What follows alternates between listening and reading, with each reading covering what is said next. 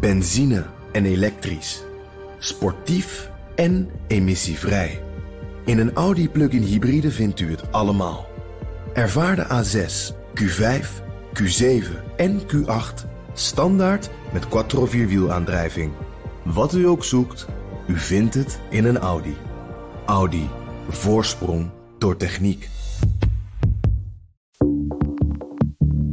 De Olympische Spelen worden over drie jaar voor de tweede keer in de geschiedenis in China gehouden. Na de Zomerspelen in 2008 maakt Beijing zich klaar voor de Winterspelen in 2022. De toewijzing van de Spelen aan China past in het straatje van Xi Jinping. De Chinese president wil van China een sportwereldmacht maken.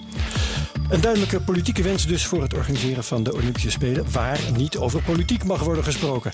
In deze aflevering van de China-podcast de vraag: leiden de sportprestaties in China onder de politieke bemoeienis? Mijn gasten in deze aflevering zijn Edwin van Kalker, voormalig coach bij de Chinese bobsleebond, en Diederik de Boerder, voormalig roeicoach coach in China en nu bondscoach van de Nederlandse roeiers.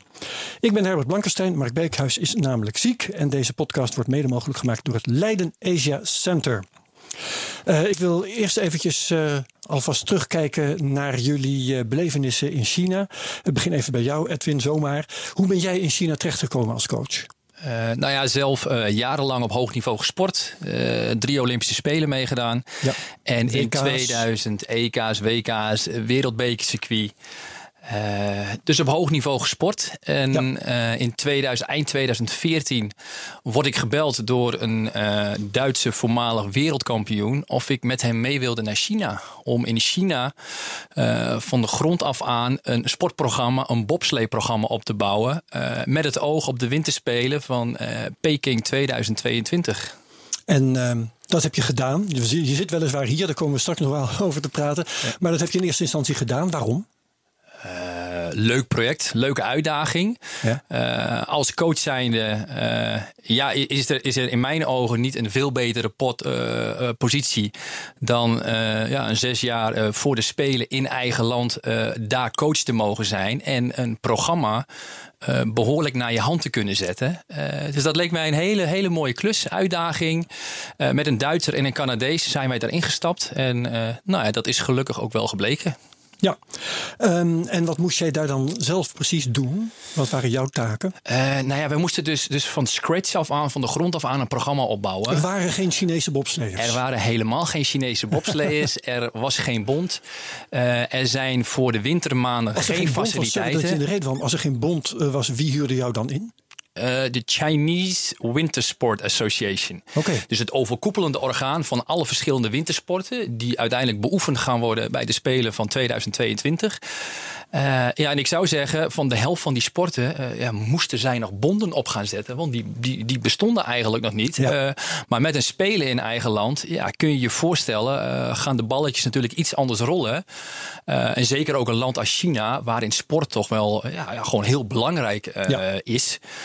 Uh, willen ze niet alleen uh, vertegenwoordiging in de verschillende sporten, maar ze willen gewoon keihard medailles winnen. Uh, dus daar als een gek allerlei programma's uit de grond gestampt en bonden opgericht. Ja. en zo de vertegenwoordiging te krijgen. Want ik kwam, kwam, ergens ook tegen in de voorbereiding van deze podcast. De Chinezen willen nu ook eindelijk eens een keertje het medailleklassement winnen ja, ik, ik, durf even niet precies te zeggen voor een, voor een zomerspelen hoe dat in 2008 is geweest. Uh, maar ze willen zeker hoge ogen gooien. Ja. Uh, dat gaat heel lastig worden, uh, maar daar ja. zullen we zo ongetwijfeld nog op komen. maar dat is wel het doel. Ja, oké. Okay. Dan kijk ik even naar Diederik. Want hoe kwam jij in China terecht? in 2004 coach ik samen met mijn collega René Meiners de dames acht. Die uiteindelijk het medaille won. En toen was er een bedeesd kuchje achter mijn rug. En het was een Chinese official. En die vroeg of ik uh, uh, met hem een gesprek wilde aangaan. En het kwam er korteweg op, op neer dat ik toen pas begreep in dat gesprek. Uh, ik was zelf heel erg zoekende wat ik precies ging, ging doen. Dus ik was geïnteresseerd in zijn gesprek. In zijn verhaal. Hij zei, na de Spelen is er altijd, zijn er de China Games. Ja. En of ik daar wat mee wilde doen. Uiteindelijk, zo, zo werd het min of meer gebracht. En gaandeweg kwam ik erachter dat ik... Ik zou dan bij een provincie gaan werken. En uh, nou, of ik daar zin in had. En, nou, en ik was jong, onbezonnen. Zin in, avontuur. Ja, dat is uiteindelijk heel prim, in eerste instantie toch primitief. En, en een enorme passie natuurlijk ook. Maar ik vond het ook geheimzinnig. Want ik ken het eigenlijk. Ik heb ja. veel verhalen over gehoord en zo. Dus zo dook ik erin. Met Ja. mijn neus dicht en ogen dicht. Maar je, je werd dus ter plaatse in Europa eh, werd je benaderd door iemand die een Chinese provincie vertegenwoordigt. Ja, dus dat, vind ik ja. merkwaardig. Ja, dat is bijzonder. Hè? Want, nou, daar komt waren, ook- waren al die provincies daar Nou, hoe het was, en nogmaals, ik weet niks van de winterspelen, van de wintersport.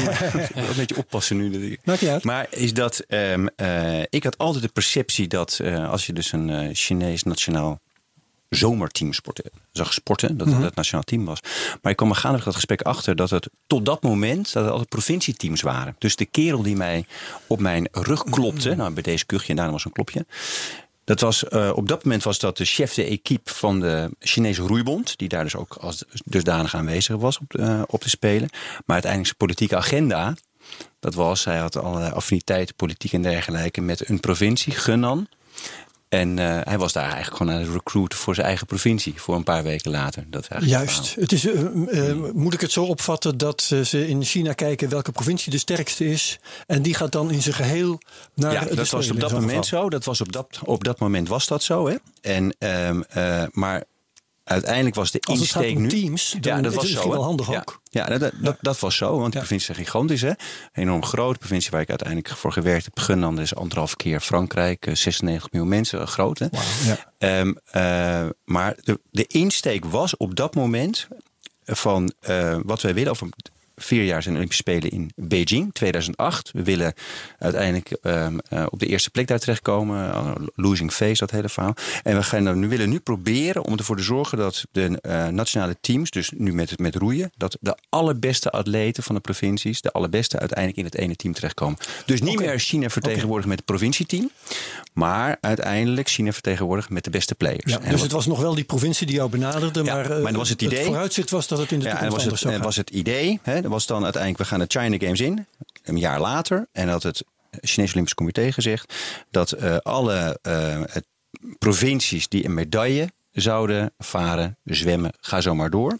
Dus goud, zilver, brons. Die zouden dan uiteindelijk als team geheel, zouden zij dan in het nieuwe op te zetten Chinees Olympisch team komen. Ja. En daarna weer selecties, maar in ieder geval als één groep. Ja, Ja, Zo. en ehm, moet ik even tussendoor vermelden wat ik vergeten heb te vermelden. Je hebt hier een boek over geschreven, dat heet Ja. Fluisterend Goud. En Fluisterend goud. ja. daardoor weet ik, eh, dan hoef ik het je ook niet te vragen, jouw doel was, en dat was ook echt een absoluut doel, goud halen. Ik werd, ja, dat was tweeledig. Dat is wel, wel, wel, wel bijzonder. En dan gaan we het een beetje de diepte in. Want dat, zo werd het me ook eh, verteld. Hè. In eerste instantie was eh, uiteindelijk de ene gouden medaille. Daar gaat het om. Sowieso in China. Ik weet niet hoe jij het ervaren hebt. eh, eh, met wintersport en dergelijke. Maar goud, dat was op dat moment alles. Het enige wat telt is uiteindelijk goud, die gouden medaille. gouden En, medaille. en alles daar, daarnaast, zilver, Ja. brons, is absolute bijzaak. Dat is niet interessant. Nee, is niet, is niet interessant. Dus het gaat om de gouden medaille. Ja. Het gaat om de gouden medaille. Maar uiteindelijk was het zo dat, dat ehm, eh, eh, die gouden medaille. Dat zou ook heel veel offers vergen en dergelijke. Dat betekent heel veel mensen uitselecteren. Maar ik kwam gaandeweg, wat betreft mijn eigen niche, kwam ik erachter dat ze, en dat was mijn, mijn drive, het conflict van gaan we nou voor die ene gouden medaille? Of het is natuurlijk een beetje ego en dergelijke. En ik, of gaan we ervoor zorgen dat er zoveel mogelijk mensen een medaille halen, waardoor ze in het Chinese Olympisch team komen een jaar later. Want ik zat daar in dat kamp. Het was, nou lees mijn boek nogmaals. Het was, eh, Ja. wat, eh, Door honden lussen er geen brood van. maar Nee, komen was, het was enorm pittig. En Ja. Dus dat was, dat was mijn drive. Dus die twee drive, dat, dat ging natuurlijk nooit, eh, nooit samen. Ja.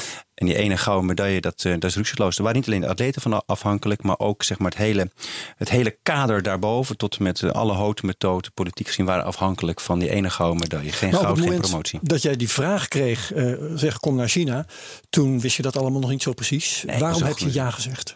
Ja, dat zei ik niet voor. Ja, uiteindelijk, ik heb ja gezegd. Jong en onbezonnen zijn het. Ja, maar dat klinkt misschien een beetje, dat is waarschijnlijk ook zo, ehm, eh, licht stupide. Maar het was enerzijds was het. Nou ja, je hebt enerzijds was het, ik was buitengewoon en nog steeds. Ik ben altijd, heb veel gereisd en veel in verschillende landen gewerkt.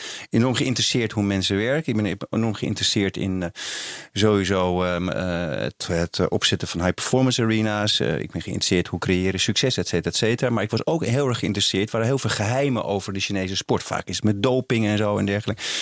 En ehm, ehm, dus ik dook erin om zaken te ervaren, ook onbesuist, onbezonnen. Want ik dacht, ik ga het wel eventjes fixen, want ik zag ze roeien. En ik denk, dat kunnen we tien keer Dat kan beter. beter. Ja. En, eh, maar ik kom natuurlijk verschrikt van de koude kermis thuis. Eh, zo is het Ja, helemaal. Maar ja. dat was een stukje gecompliceerder dan dat. Ja. Oké, daar, eh, daar gaan we zo direct nog heel uitgebreid over praten. Eerst maar even terug naar Edwin. Want we gaan even kijken wat er allemaal in China is hè, voor, voor de sporter en niet te vergeten voor de coach. Dus ehm, bij jou was er op organisatorisch gebied niks. Moest je ook op facilitair gebied alles opbouwen? Ik bedoel, was er eigenlijk wel een bobsleebaan? Eh, eh, nee, en die is er op dit moment nog steeds niet. Die, die, die is in aanbouw. Ik krijg eh, incidenteel krijg ik dus berichten binnen via, via WeChat. Het communicatieplatform in, in China. Ja. Jou waarschijnlijk Ja, ook wel zeker bekend. ja.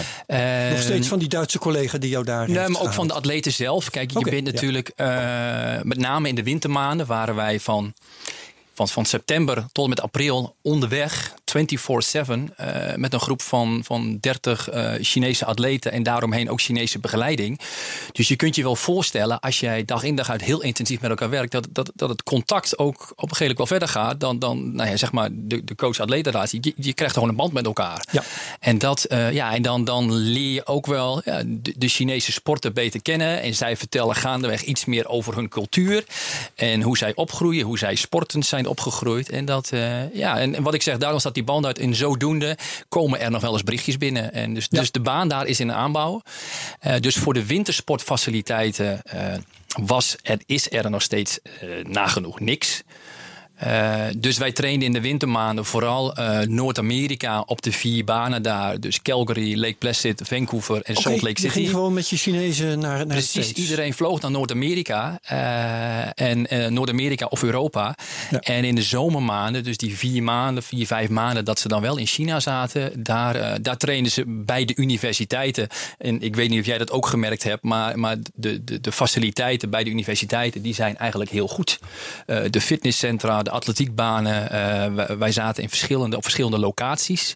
Eh, Peking zijn we begonnen, eh, Shanghai gezeten, Xi'an hebben we gezeten. Ja. Dus heel veel verschillende plekken. Eh, trainingsfaciliteiten goed. Alleen voor de wintermaanden waren we echt op het buitenland aangewezen. Ja, nou dat eh, was bij Diederik iets anders, heb ik uit zijn boek opgemaakt. Vertel eens. Ja, ja, ja, ja. ja. Ik, eh, eh, ik ging daar eerst in instantie een week heen voor contractbesprekingen. En dat is Ja. in de provincie zelf. En daar waren de omstandigheden, eh, trainingsomstandigheden, eh, goed. Kan ik niet anders zeggen. Dus uiteindelijk was ook de reden, een van de redenen waarvoor ik tekende. Ik ging terug naar huis. Mijn vrouw overgehaald voor een lange huwelijksreis van een jaar. En eh, zij bleef nog thuis. Dapper. Ik, ja, dapper. dapper ja, buitengewoon dapper. En ik vloog uiteindelijk weer een paar dagen later terug. En toen was alles anders. Want toen heb ik daar al met al denk ik nog een dag of drie gezeten. Want abrupt moesten we weg. We zouden bespioneerd worden door de andere provincies. Het was allemaal gedoe. Dus eh, ik werd s'nachts op een kamertje geklopt. En eh, toen zaten we... Na, na twee dagen reizen zaten we op een eh, voormalig Oost-Duits trainingskamp op de grens met Tibet. Eh, omringd eh, een muur van 2,5 kilometer. eh, buitengewoon Spartaans, geen elektriciteit. Hebben we daar pas op het laatste moment gekregen. Doordat ik dat heel erg doordrukte. Maar dat gaf meteen Ja. weer een dikke brand. Bittere kou. bittere kou. We leefden in jassen. Mensen waren ziek. ehm, en ja, s'avonds de kaarsen aan. Dus, dus met andere woorden, de- de- watgene wat jij ervaren hebt, heb ik niet ervaren. Begrepen En, eh, die Chinezen niet dat dat geen optimale omstandigheden Nee, maar dat zijn? vonden ze uiteindelijk was dat. eh, er zijn allerlei discussies. Nogmaals, geen al te veel promotie voor mijn boek, maar lees mijn boek. Dan kunnen mensen een beetje voelen hoe dat, hoe, dat, eh, hoe dat ging. Uiteindelijk ben ik elke avond, elke avond een lange coachvergadering. Heb ik geprobeerd om met man en macht allerlei mogelijke manieren voor elkaar te krijgen dat het humaner zou zijn. En een van de redenen was überhaupt, dat heeft niet te maken met de trainingsomstandigheden, maar gewoon arbeid-rustverhouding. Meer rust tussen de trainingen door, of maar een keertje helemaal niet trainen. Maar het dat stuitte altijd op weerzin, boosheid en, en, en, en uiteindelijk ook door geheim en stiekem te gaan trainen. En ze vonden sowieso, vonden zij, dat is me meerdere malen voor de voeten geworpen, van het ging allemaal om eh, uiteindelijk om het creëren van discipline, weerbaarheid. En eh, dat is uiteindelijk ook eh, nou, dat soort externe factoren, Ja, zoals zij dat Want, zagen want ehm, als ik het eh, goed begrijp, dan was er daar overtraind zijn of zo. Dat, daar hebben ze nog, nog nooit van gehoord. Nee, is En geen issue, meer trainen nee. is altijd beter. Ja. Maar bovendien was er nogal veel sprake van straftraining. Hè? Ja, ja, ja dat, dat, dat gebeurde stelselmatig. En straftraining werd op verschillende manieren kwam dat dan uiteindelijk tot uiting. Het was niet alleen een training zelf, maar bijvoorbeeld ook als je niet had voldaan aan de trainingsintensiteit of omvang, dan kon je achteraan aansluiten wat betreft het eten. En er was een grote rij die aan wacht voor de eetzaal. Iedereen heeft 20 minuten per 15 man om dan daar te gaan eten. Dus, moest, dus degene die niet goed presteerde kwamen achteraan. Dus met andere woorden bleef weinig eten over. Uh, uh, kilometers rennen met de jeeps achter je aan op je hielen van de coaches.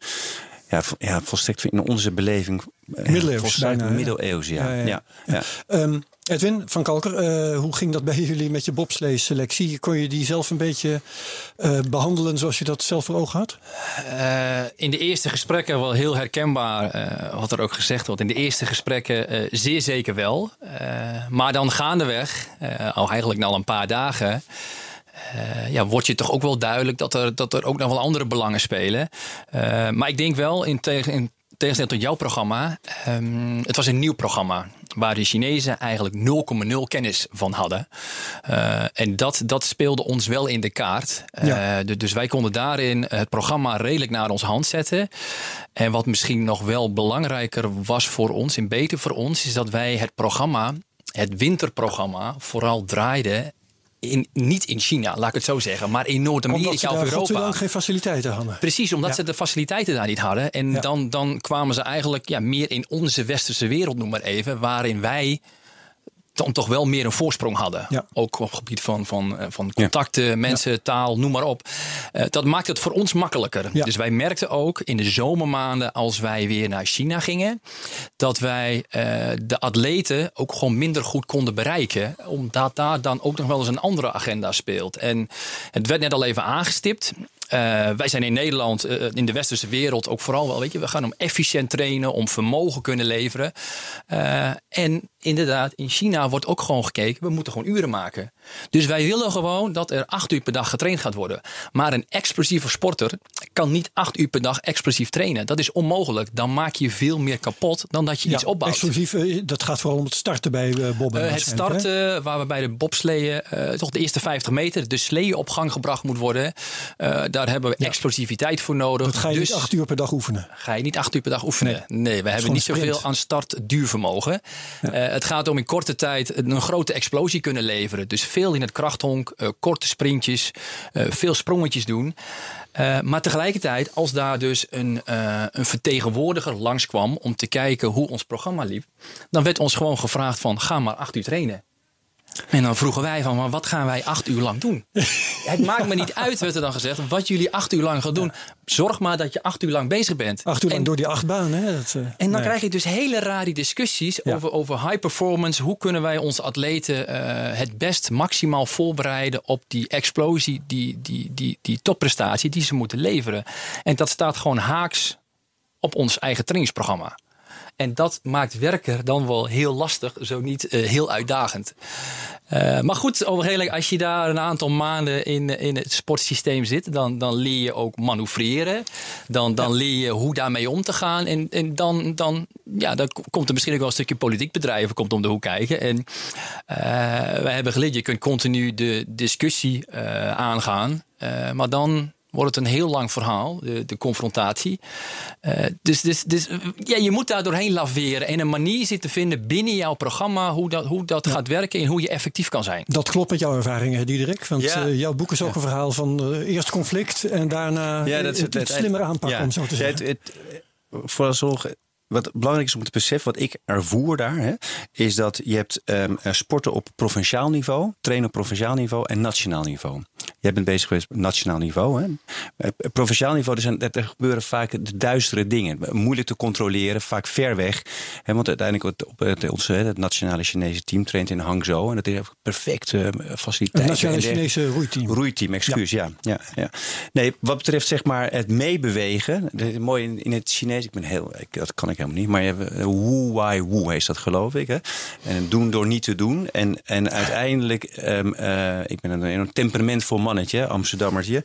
Uh, dus dat ging natuurlijk volle bak in. En dat gaat natuurlijk alle kanten op en het werkt niet. Dus uiteindelijk heb ik geleerd, en daar schrijf ik in het boek ook over, van een van mijn meesters daar, Fu, die, die uiteindelijk op een gegeven moment zegt, probeer maar zoveel mogelijk mee te bewegen. Niet uiteindelijk door helemaal niks, niks te doen, maar af en toe knikken, even op je handen zitten. En uh, gaandeweg kreeg ik informatie van atleten s'avonds, omdat ze bij me langskwamen via Google Translate, kon ik met ze praten als ik tolk niet was, dat er geheime trainingen waren. Nou, dan kon ik de volle bak in, maar ga, weet je, uiteindelijk kon ik, ik kan allerlei voorbeelden geven, kon ik mezelf door af en toe te gaan puffen en, en wat slimmer te zijn, tussen aanleiding, iets, iets slimmere wil kreeg ik gaandeweg wel kleine dingetjes voor, voor elkaar. En, uh, maar het is nogmaals buiten, buitengewoon moeilijk. Heb ik het ervaren als buitengewoon moeilijk en ook, ja, moet ik het zeggen, buitengewoon frustrerend, omdat er agenda's door elkaar heen lopen. Ja.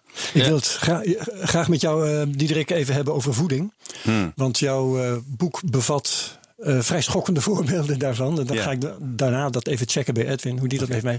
Maar vertel eens, de, de, wonderlijkste dingen kwamen daar op tafel, hè? Ja, nee, kijk, een van de eerste. We werden aan, ik werd aangenomen. Uiteindelijk was mijn vrouw er ook mee. werd ook gezien als een soort van coach. Niet dat ze dat deed, maar um, het, het ging alleen maar over voeding. Roeien is een buitengewoon simpele sport. Moet je nooit hard zeggen in mijn eigen niche. Maar het is een ontzettend simpele sport. Daar kan je ook kort over zijn. Maar het ging over voeding. En uh, toen was de vraag, wat eten jullie daar in het Westen? Wat in het Westen? En wat voor vlees onder andere waren ze geïnteresseerd in. Nou, dat is dan vlees wat vroeger niet geleefd had, zeiden ze. Vlees wat jullie eten van de billen en de rug. Dat heeft nooit geleefd, heeft nooit gewerkt. Je moet uiteindelijk vlees eten wat geleefd heeft vroeger. Dus dat zijn ingewonden dicht bij het bot. Nou, dat soort dingen kwamen dan ter tafel. Tot en met de excessen van de stierenpenissen soepen. En altijd soepen en altijd geheime soepen waren. Mongoolse soepen van Genghis Khan en altijd dat soort dingen waren. Kevers kwam ik tegen. Ja, kevers. En uiteindelijk was het toen, eh, het ging dus, uiteindelijk ging de provincie steeds beter. Want uh, af en toe gingen van het kamp weg om dan wedstrijden te doen. Onder andere ook in Xi'an. Uh, en, en, we kwamen steeds beter op de medal table gedurende uh, dat, uh, dat jaar. Maar dan kwamen, mogen we dan naar de grens met Rusland. Want daar is dan een hertje. Met hertigen, de hertigenweien kwamen ze dan binnen. Die dan uiteindelijk um, heel, heel secuur in stukjes werden gesneden. En alleen de jongens mochten het eten voor de yang. En de meiden niet, want die kregen dan te hoge yang. En dus gaandeweg kregen we, dagenlang hebben we alleen maar nieren gegeten van, van mannetjesvarkens. En dat zou dan ook. Een, nou, met andere woorden, Waarvan rariteiten. Ik dacht, hm? in ieder geval, uh, zitten daar niet toevallig hormonen in? Ja, die, nou, ja, dat was altijd. werken? Ja, dat was uiteindelijk. Misschien was dat, dat wel verboden zijn trouwens. Ja, ja, ja nou, uiteindelijk. Kijk, ik, voor, voor, mij was altijd, heb ik altijd gezegd, hè, want er is een bepaalde perceptie, met alle respect, zei ik dan altijd, met al mijn respect, een bepaalde perceptie ten, ten, hoe wij kijken naar Chinese sport en het voor doping valt echt altijd wel naar een zin of twee. We zijn natuurlijk heel boos vaak. Ik zeg maar, als ik dat ooit zie, merk, proef, ben ik meteen weg. En, en, uh, dus het werd altijd, werd er, nee, we doen nooit aan doping. Maar ondertussen gebruikt ze natuurlijk allerlei, nou, de, de, dingen die ik nu onder andere zeg. Hè. Ze zijn heel erg bezig met voeding, dus dat is niet heel erg, dat komt niet heel erg overeen, vond ik.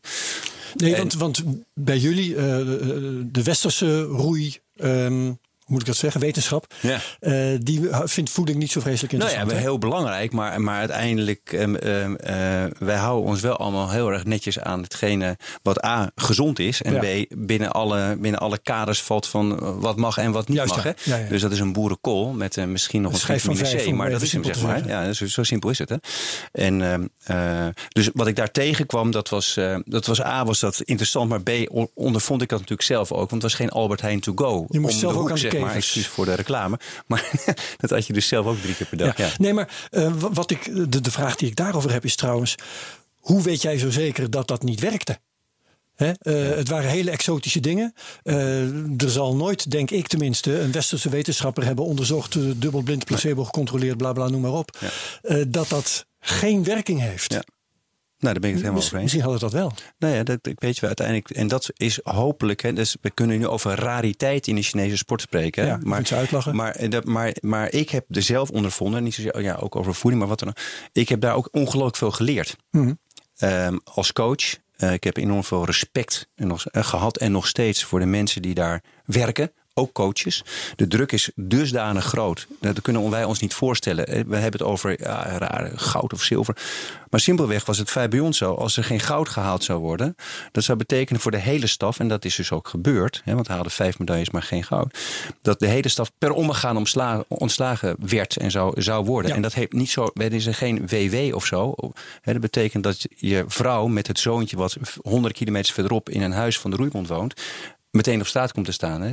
Ticket zelf naar huis nemen. Je zit in Nanjing, ver weg van de provincie, en je wordt ontslagen. Dat betekent, dat betekent nu. Dus je komt zelf ja. naar huis.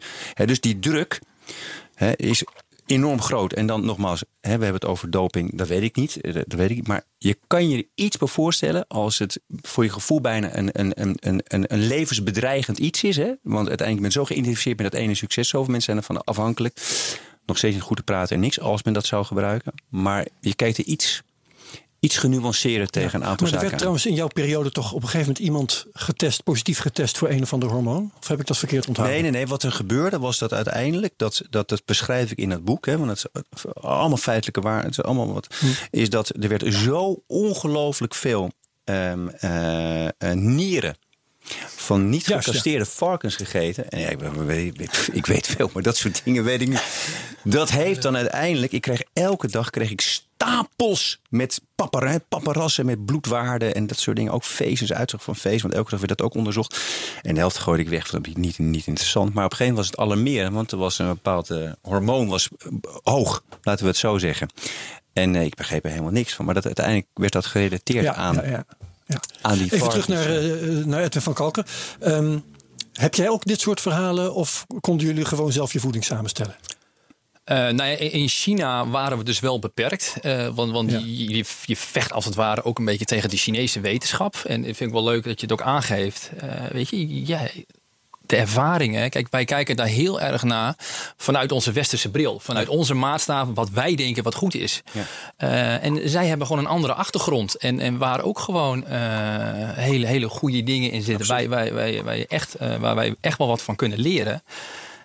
Dus op gebied van voeding. Eh, ja, wij, wij hebben in het bobsleeën te maken. eh, we, mo- we moeten gewicht meenemen. Want zwaartekracht uiteindelijk in de baan naar beneden op hoge snelheid. Ja. Meer massa betekent gewoon meer Je snelheid. hebt mannetjes, putters nodig eh, die een goede sprint dus, in huis dus, hebben. Dus de en- atleten die, die, binnenkwamen, snelle explosieve mannetjes. En je hoeft maar naar een, een WK atletiek te kijken, 100 meter. Je ziet een aantal Chinese sprinters hier voorbij komen. Dat zijn mannen of vrouwen. Noem even de mannen in dit geval. Eh 70, 75 kilo. Mhm. Eh, in het bobsleeën zijn wij op zoek naar atleten die in ieder geval 100 kilo plus zijn. Ik wou net zeggen, het is niet de standaardbouw van een Chinees. Precies, als, als wij een viermanslee hebben, eh, een slee minimaal is 210 kilo. Wij mogen maximaal met 630 kilo mogen wij de baan in. Dus wij hebben over vier personen 105 kilo te verdelen. En uiteindelijk wil je, kijk, op het moment dat je het gewicht niet haalt, dan kun je je slee aan gaan vullen met gewicht. Maar dat betekent bij de start dus een zwaardere slee aanduwen, waardoor je starttijd minder snel zal zijn. Dus in een ideale situatie wil je je slee zo licht mogelijk hebben en de bemanning zo zwaar mogelijk. Maar willen wij van een snelle, explosieve Chinees van 75 kilo eh, uiteindelijk naar een gewicht gaan van rond de 100 kilo, ja, dan wordt er op gebied van voeding wel wat gevraagd. En dan komen wij eh, met alleen maar witte rijst, gaan wij niet ver genoeg komen. en dat is uiteindelijk een, een, een heel gevecht geweest, ook in de hotels in Noord-Amerika, in Canada, Amerika. Om uiteindelijk te zorgen dat we het eetpatroon eh, iets gaan veranderen. En daarnaast ook ja, naar voedingssupplementen gaan kijken. Maar dan ook wel, het, het woord is net al even gevallen. eh, de dopinggevoeligheid. Kijk, wij Ja. hebben ook altijd gezegd: als er één vorm of als wij het gevoel krijgen dat hier dingen niet, niet eerlijk gaan, niet goed gaan. Dat, dat er verboden eh, supplementen worden gebruikt, dan zijn wij per direct weg. Ja, nou is dat Heel ABC. duidelijk. Maar ehm, werd jij ook eh, eh, die, die ideeën, de westerse ideeën over voeding die jullie meebrachten, om die mensen dan te laten aankomen in jouw geval, hè? Ehm, liefst met spierweefsel neem ik aan, dat Absoluut. werd wel geaccepteerd door de Chinezen? Of kwamen ze we- dan toch met een we we zeggen van, we, we dachten in het begin van wel, eh, maar we hebben het net ook al even gehad over de, de geheime trainingsprogramma's, je uren maken.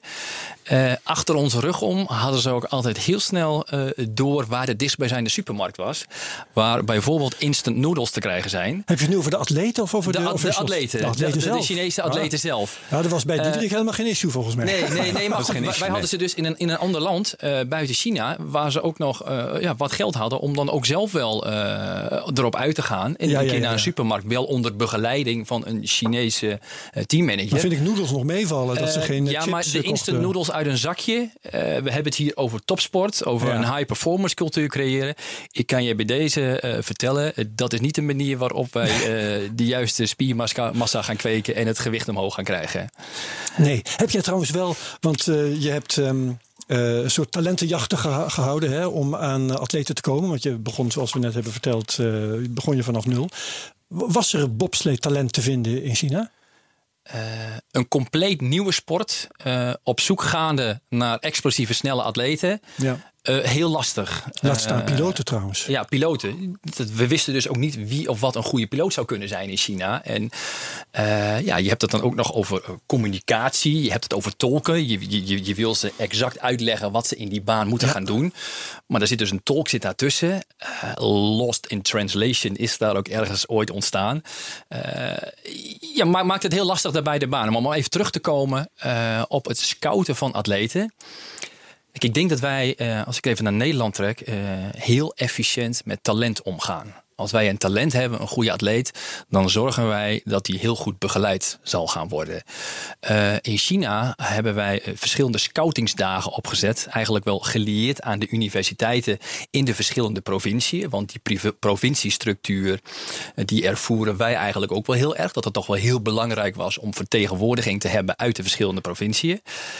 Uh, ja, en als wij in Nederland een scoutings- of een talentendag op, op zouden zetten, dan krijgen wij daar 10, 10 20 atleten. Ja.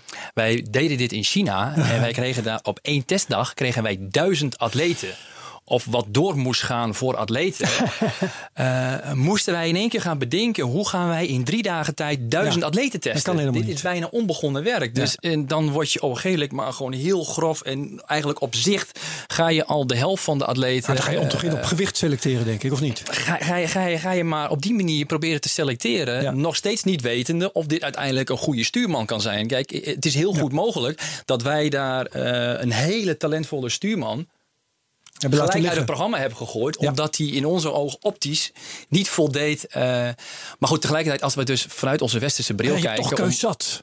Nou ja, dat, dat, dat is inderdaad ook. Dit is net al even aangeroerd. Ook uh, ja, de aantallen waarmee je in China kan werken.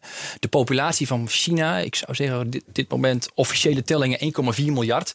We hebben ook wel eens nagekeken om, om even een indruk te geven. Dan, dan hebben we het over Noord-Amerika, Zuid-Amerika, Europa. En een groot gedeelte van Rusland. Daar de complete bevolking van. Dat alleen in China. Dus je werkt daar met zulke andere aantallen. Uh, ja, en dat, dat, wat ik zeg, bij die testdagen is dat, is dat, is dat uh, een leuk project gebleken. Maar goed, is er nog een goed team uitgekomen? Uh, ja, wij zijn, wij zijn uh, de eerste drie jaren vol aan de bak gegaan. Zomermaanden China, wintermaanden uh, Noord-Amerika. piloten proberen op te leiden, uit te filteren voor de oog-handcoördinatie. Want uiteindelijk wordt van ons gevraagd om in zeven jaar Olympisch goud te gaan halen. Om iets vanaf de grond ervan op te bouwen. Ja. Bijna onmogelijk. Misschien is het wel onmogelijk, want je gaat vechten uh, tegen, de tegen de grote wintersportlanden. Duitsers, Zwitsers, Amerikanen, Canadezen, Russen. Uh, die al van jongs af aan op een rodelsleetje liggen. Vanaf, vanaf de basisschool, 7, ja, 8 ja, jaar. Ja, het gevoel van ijs uh, meekrijgen. Zwitserland 1, Zwitserland 2. Precies. dus dat gaat heel lastig worden. Ook in andere sporten, noem het maar skiën. ja, moet, moeten programma's gebouwd worden. we hebben in drie jaar tijd drie teams te plaatsen voor de Spelen van Korea. Dus, dus we hebben daar vertegenwoordiging gehad met de Chinese ploeg. En dat heeft er nu ook voor gezorgd dat de financiële middelen uh, duidelijk verruimd zijn en er binnen dit programma meer mogelijk is. Want dat is wel het mooie uh, van bobsleeën. Succes is tot op zekere hoogte maakbaar. Uh, door de beste slee in de wereld te kopen. Dus de beste tweemanslee, de beste viermanslee. Uh, de beste ijzers ter wereld te kopen. En, en, en met heel veel geld uh, erachter uh, is dat mogelijk in, onze sport. in de sport. En vergelijk het even, het wordt ook vaak vergeleken met Formule 1 van de winter, wordt het bobsleeën genoemd. Ook daarin, als jij heel veel geld hebt, een aantal jaren in die sporten zit, en met heel veel geld is het beste materiaal uiteindelijk wel te kopen. Dat houden we even vast, daar wil ik zo nog op terugkomen. Maar eerst eventjes terug naar Diederik. Diederik de Boorder, wat, ehm, waar kwamen jouw atleten eigenlijk vandaan? Mijn atleten uh, kwamen allemaal. Uh, Want die teams waren er al, hè? Ja, ja, ja. Eh, dus die kwamen allemaal uiteindelijk van de hele arme kinderen van hele arme boeren. Uh, roeien is een van de laatste sporten die je kiest in, uh, in China. Eerst kies je voor, als je lang bent, hè, voor roeien moet je lang zijn. Uh, basketbal, volleybal en zo.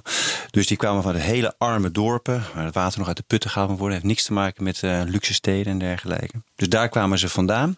Ze werden gerecruit Ehm, ja, um, dat is één keer in de week was er dan ergens op verschillende plekken in die provincie.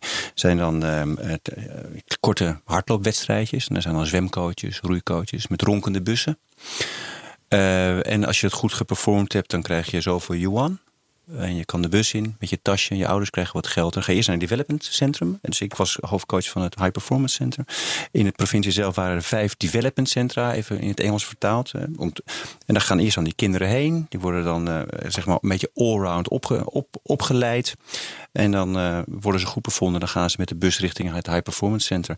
Dus voor mij was ik had ook daar geen enkele invloed op. Ik zat daar. Er kwamen mensen in en er kwamen mensen uit. En, uh, uh, maar uiteindelijk was het zo, en dat geef we even terug weer waar we het net op, over hadden, over het, die gouden medaille, het beste worden. Ja. Want dat was zeker voor die hele, hele arme ja, uh, boerenzonen, boerendochters. Die waren uiteindelijk, uh, hadden die ja, ongelooflijk veel druk en stress op hun schouders. Want hè, floreer, heb je uiteindelijk die gouden medaille, dan word je ook daar rijkelijk voor beloond. En niet alleen jij, maar ook je familie, deel van je dorp.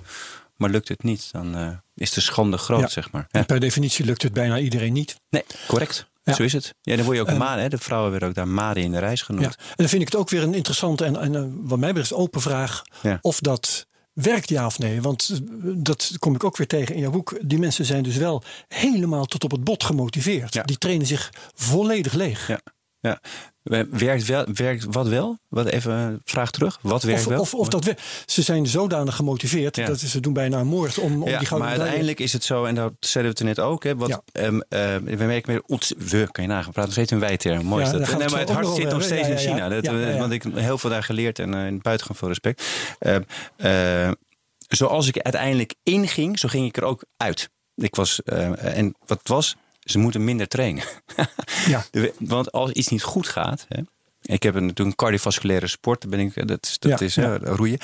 Dan moet je uitrusten. Hè, dan moet je uitrusten, je recupereert en dan ga je weer verder. En dat heeft een impact op heel veel prestatieindicatoren, onder andere op je techniek, maar ook op je hoofd, et cetera. Maar daar was altijd het, um, um, uh, men ging als volgt werken, ging het niet goed, maar nog harder trainen. Dus mensen zijn consistent, constant overtrainen en dergelijke. Dus die wil en die weerbaarheid, dat is enorm. Daar kunnen wij buitengewoon veel van leren. Tot op de dag van vandaag. Niet alleen wij als sporters, maar ook coaches, vind ik. De toewijding, dat is buitengewoon. Daar ligt het niet aan. Maar het ligt aan het feit dat het zo ongelooflijk beladen is. En dat heb ik ook gezegd toen, in 2005. Als, we zo, als jullie zo doorgaan, heb ik het tegen het national team gezegd later. Dan zal 2008 zo een deceptie zijn. 2008 van de druk en de stress is zo hoog. Ja. Jullie gaan allemaal nat. Nou, dat is uiteindelijk ook gebeurd met het Chinese uh, team. Hè. Bij de zomerspelen ja. hebben daar niets uh, naar behoren gepresteerd. Buitengewoon veel stress. Overigens, de, um, die eis het moet goud zijn. Dat is dus een duidelijk verschil met ons in Nederland. Ja. Hè, want als we brons halen, dan staat Erika Terpstra te juichen, bij wijze van spreken. Um, wat, het is toch anders. Vind... Ik, even, wij willen, wacht even, pas op, want ja? kost me mijn baan. Hè? We willen allemaal goud. Hoor. Pas op. We willen, maar je willen en kunnen.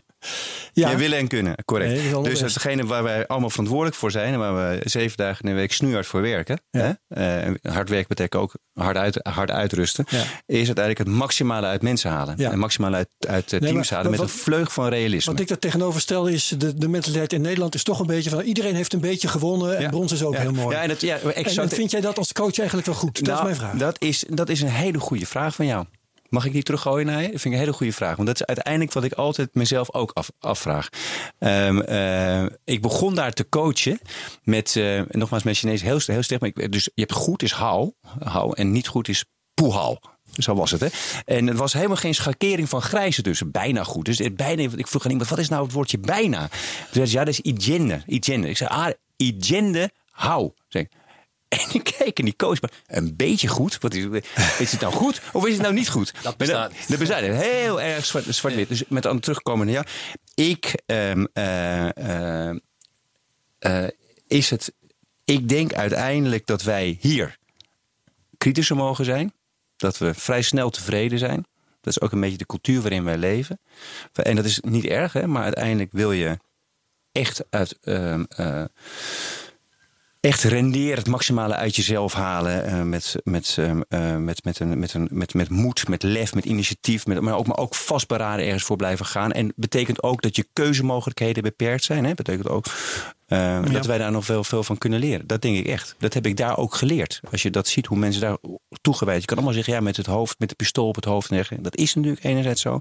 Maar anderzijds, de, de wil om de beste te zijn en, en het is, het is daar inderdaad ook wat wij ook gemerkt hebben. Maar ook de druk van de familie erachter. Kijk, het gaat niet in Nederland. Uh, kunnen wij inderdaad heel goed zijn in de sport. Maar we kunnen goed, eh, goed in onze studie zijn. We kunnen een goed, mooi sociaal leven hebben. Allemaal aspecten die voor de Nederlandse jeugd, sportende jeugd, ook meetellen. Ook belangrijk zijn. Maar daar is het niet alleen het sportende kind. Maar ook uh, ja, de familie, alles wat daaromheen zit.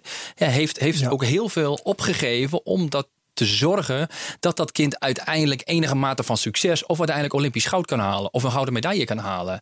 En ja, wij hebben hier in Nederland, we, we leven in, in zo'n waanzinnige welvaart in luxe, keuzestress. Ja, ja. ja, en dat is in, in die landen is, is het toch heel erg anders. En, en ik, ik, we hebben ook wel eens, zelf ook wel eens de discussie gehad over. Uh, nou ja, bijvoorbeeld uh, dopinggebruik in dat soort landen. Als niet alleen jou, jij, maar ook jouw hele familie, alles daaromheen afhankelijk is van jouw sportprestatie, kan ik op een gegeven moment wel begrijpen dat atleten, als, als ze op een gegeven moment het gevoel hebben dat ze niet beter kunnen presteren, dat ze daarna gaan grijpen. Dat ze op een gegeven moment denken van ja, maar het is, het is weet je, gezichtsverlies leiden of, of toch maar naar die middelen grijpen en dan maar hopen dat het niet gepakt wordt, maar dan wel het maximale uh, resultaat behalen. En dat is ja, die, die afweging die kunnen wij ons in Nederland eigenlijk niet voorstellen. Weet je wat ik wel eens vaak zeg? Is, uh, dat heeft, enerzijds natuurlijk, we zitten hier vanwege China en zo. Maar uiteindelijk, uh, ik heb op een gegeven moment geleerd dat uh, ergens voor kiezen, rukzichtloos, dat heeft ook een offer. Kunt u zich dat voorstellen? Jazeker. Ja. ja. Nou, Want je kiest ook iets niet. Exact. Ja. En daar heel, heel bewust ergens voor kiezen en daarvoor gaan. En dan is altijd de vraag: wat is je offer? Ben je daar bewust van? Kan je dat voelen? Oké. En nu terug. China. Het offer daar is natuurlijk, hè, dat kunnen we heel veel dingen ons niet voorstellen en dergelijke. Maar mensen kiezen daar ook echt bewust, natuurlijk ook vanwege noodzaak. Hè, want het is een vlucht uit de misère voor die arme kinderen daar, die daar kiezen voor het vak roeien. Maar die bewuste keuze en het offer, en het heeft te maken ook met Um, um, met um, uh, uithoudingsvermogen, lang ergens voor kunnen gaan. Uh, de pijn die je voelt. Uh, we zaten er in dat kamp, om een idee te geven, op de Oost-Duitse grens. Of, oh, sorry, Oost-Duitse grens. Nu ga je. Oost-Duitse trainingskamp op de ja. op, Tibetaanse grens. Maar, en ik werd daar, ik, want ik ben verwend mannetje natuurlijk uiteindelijk. Hè. Uh, het was daar koud, we stiepen in je jassen. Nou, ik kan er alles over vertellen. Lees het boek Fluisterend Goud. Maar de enige die zat te klagen, dat, dat was ik. Ja. Mooi is dat, hè? Dat was ik. Want die roeiers die liepen daar. Maar je klaagt ook wel namens je atleten. Ja, uiteindelijk wel. Want he, mensen met het dusdanig ziek. En een ziekte van Bel, hanggezichten kregen we. Er gebeurde heel veel excessieve zaken. Maar even vier stappen terug. Wie zat er te klagen? Dat was ik. Ja. want ik had koud. En die roeiers zeiden, meewenti. En meewenti betekent uiteindelijk, maakt niet uit. Want het, de missie is ergens anders. Ja, ja, ja, ja. Ik ga even uh, Edwin herinneren aan Edwin van Kalker uh, aan uh, het onderwerp geld. Want jij zei net, hè, die, je kunt ijzers kopen, je kunt de beste slee kopen. En nou, uiteindelijk heb je dan een aardige kans om te winnen. Waren er ongelimiteerde bronnen van geld? in de eerste gesprekken is ons voorgesteld van wel.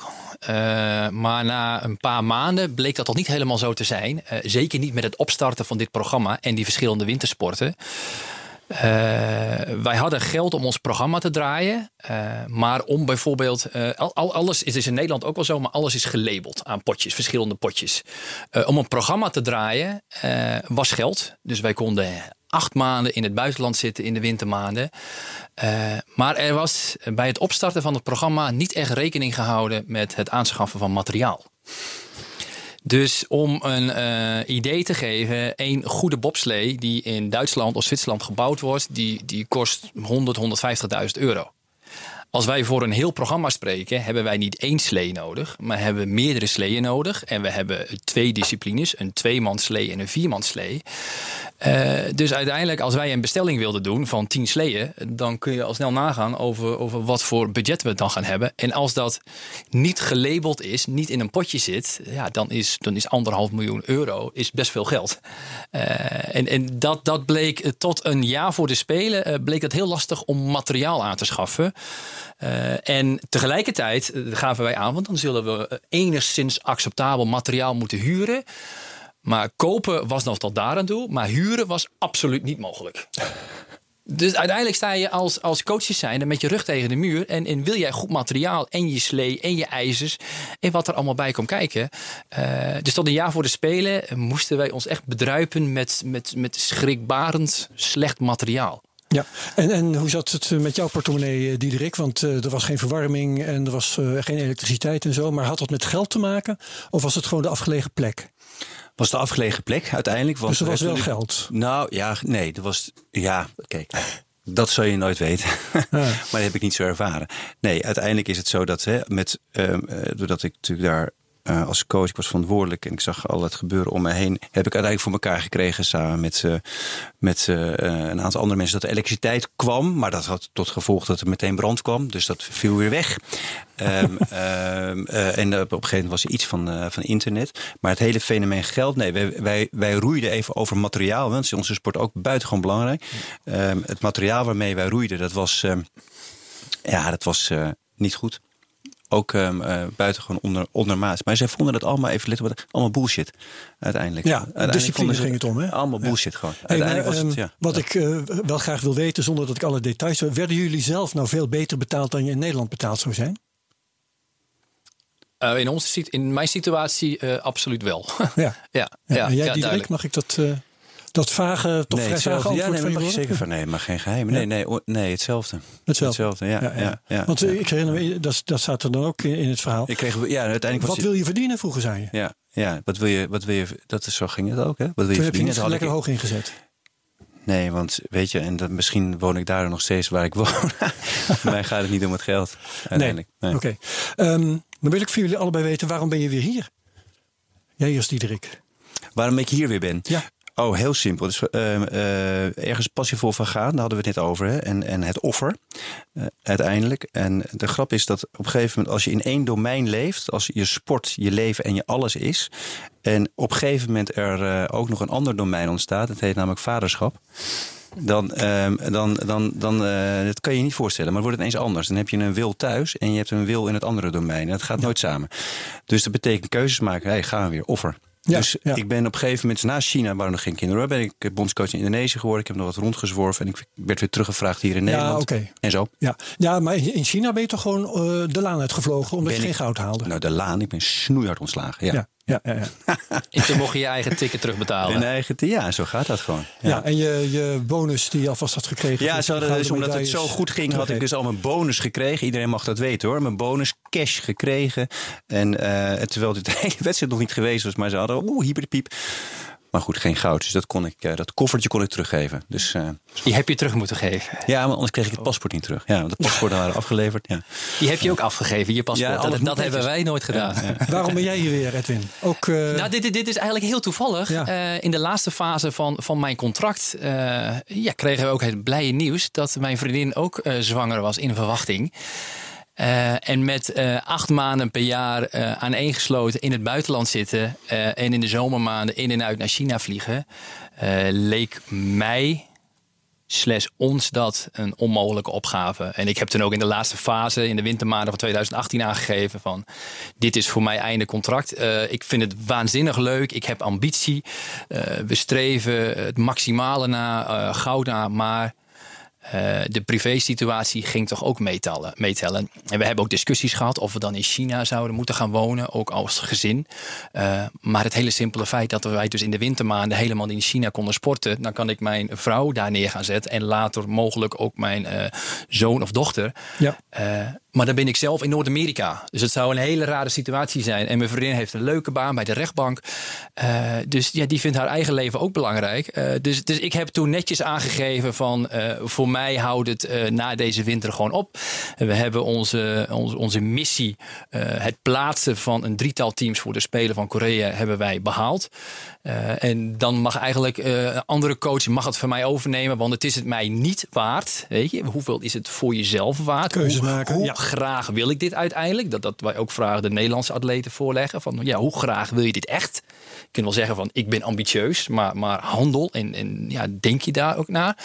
Uh, ja, en bij mij was al vrij snel de conclusie van ik wilde dus niet dusdanig graag dat ik dit er allemaal voor over heb. Dus ik uh, heb mijn contract netjes neergelegd. Ik had gelukkig nog wel een ticket terug die betaald was. wij zaten in Noord-Amerika. in april vlogen wij terug. Ik had mijn paspoort nog in eigen beheer. Dus ik kwam met een gerust hart zat ik op het vliegveld in Noord-Amerika en kon ik terugvliegen naar Schiphol.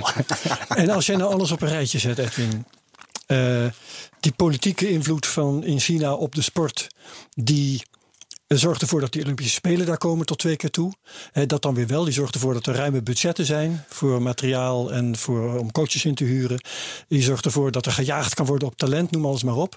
Zorgt er ook voor nou ja, eh, negatieve dingen die we voorbij hebben horen komen. Zoals stress bijvoorbeeld hè, en overtraining, noem maar op uren waar te veel nadruk op wordt gelegd, communicatie. Nou, zo kan ik doorgaan. Per saldo, die politieke uh, die politieke druk op sport, is dat goed of is dat slecht? Uh, in het geval van China is dat slecht. Uh, dat, dat is mijn ervaring. Dat is onze ervaring binnen het programma. Uh, want, wij, want wij hadden op een gegeven moment... In het begin waren de lijntjes redelijk duidelijk... wie, wie de baas van de baas van de baas mm -hmm. op dat moment was. Maar wij zagen in China ook heel erg... dat de verschillende posities worden na een aantal maanden... ik noem expres niet jaren... na een aantal maanden worden de, de personen in die posities worden alweer vervangen. En zeker in de, in de nieuwe wintersportbond... waar dus alle verschillende wintersportbonden onder hangen was ons na, eigenlijk na één winter al niet meer duidelijk wie er nu daadwerkelijk boven uh, aan de touwtjes zat te trekken. Uh, ja, en kom je, kom je als programma zijnde toch een beetje in een soort van, van, van drijfzand kom je terecht. Uh, niet meer weten bij wie je moet zijn. Ja, maar je en, moet het doen om door niet te doen, heb ik net van Diederik geleerd. Ja, ja dat, dat, dat is dan inderdaad waar.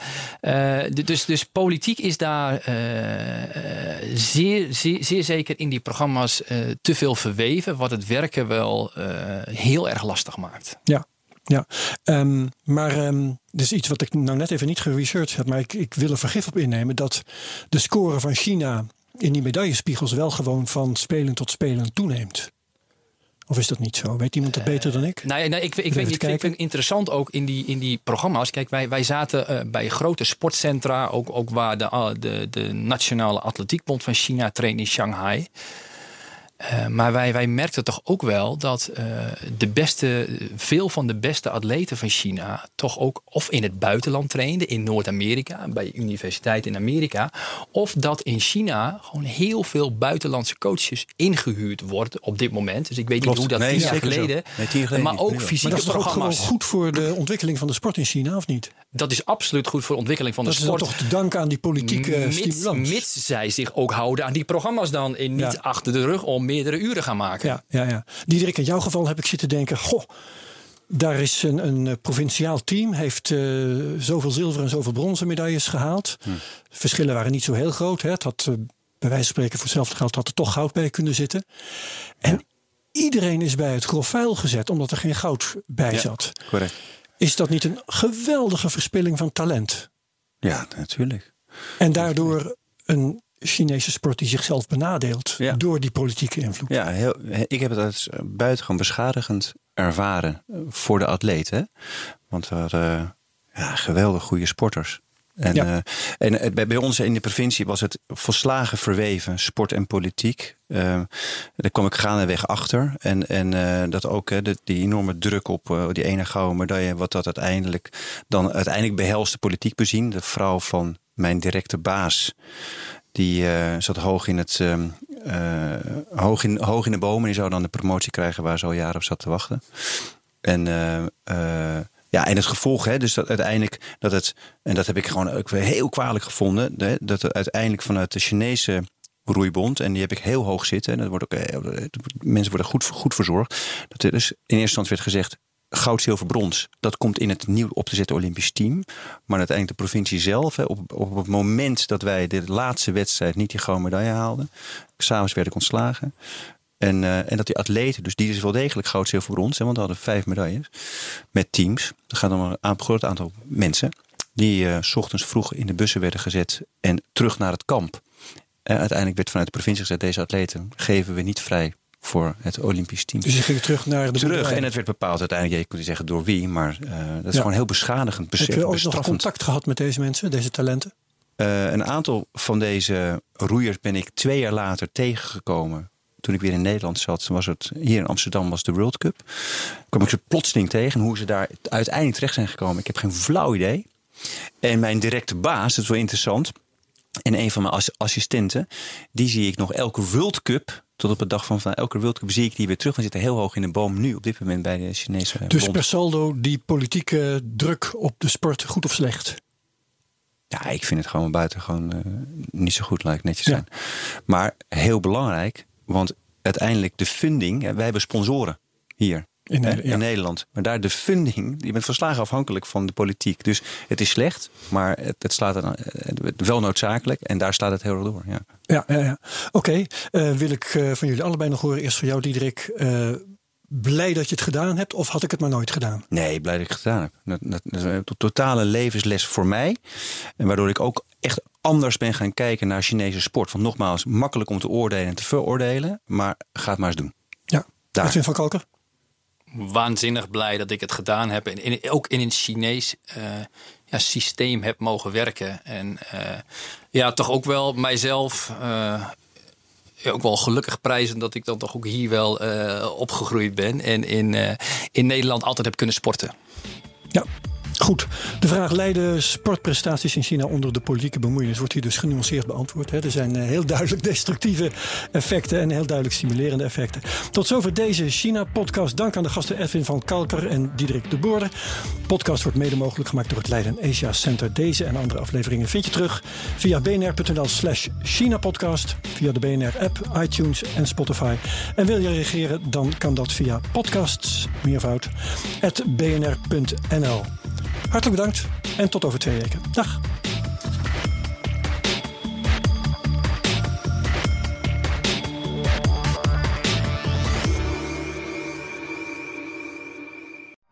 Benzine en elektrisch. Sportief en emissievrij. In een Audi plug-in hybride vindt u het allemaal. Ervaar de A6, Q5, Q7 en Q8 standaard met quattro vierwielaandrijving. Wat u ook zoekt, u vindt het in een Audi. Audi. Voorsprong door techniek.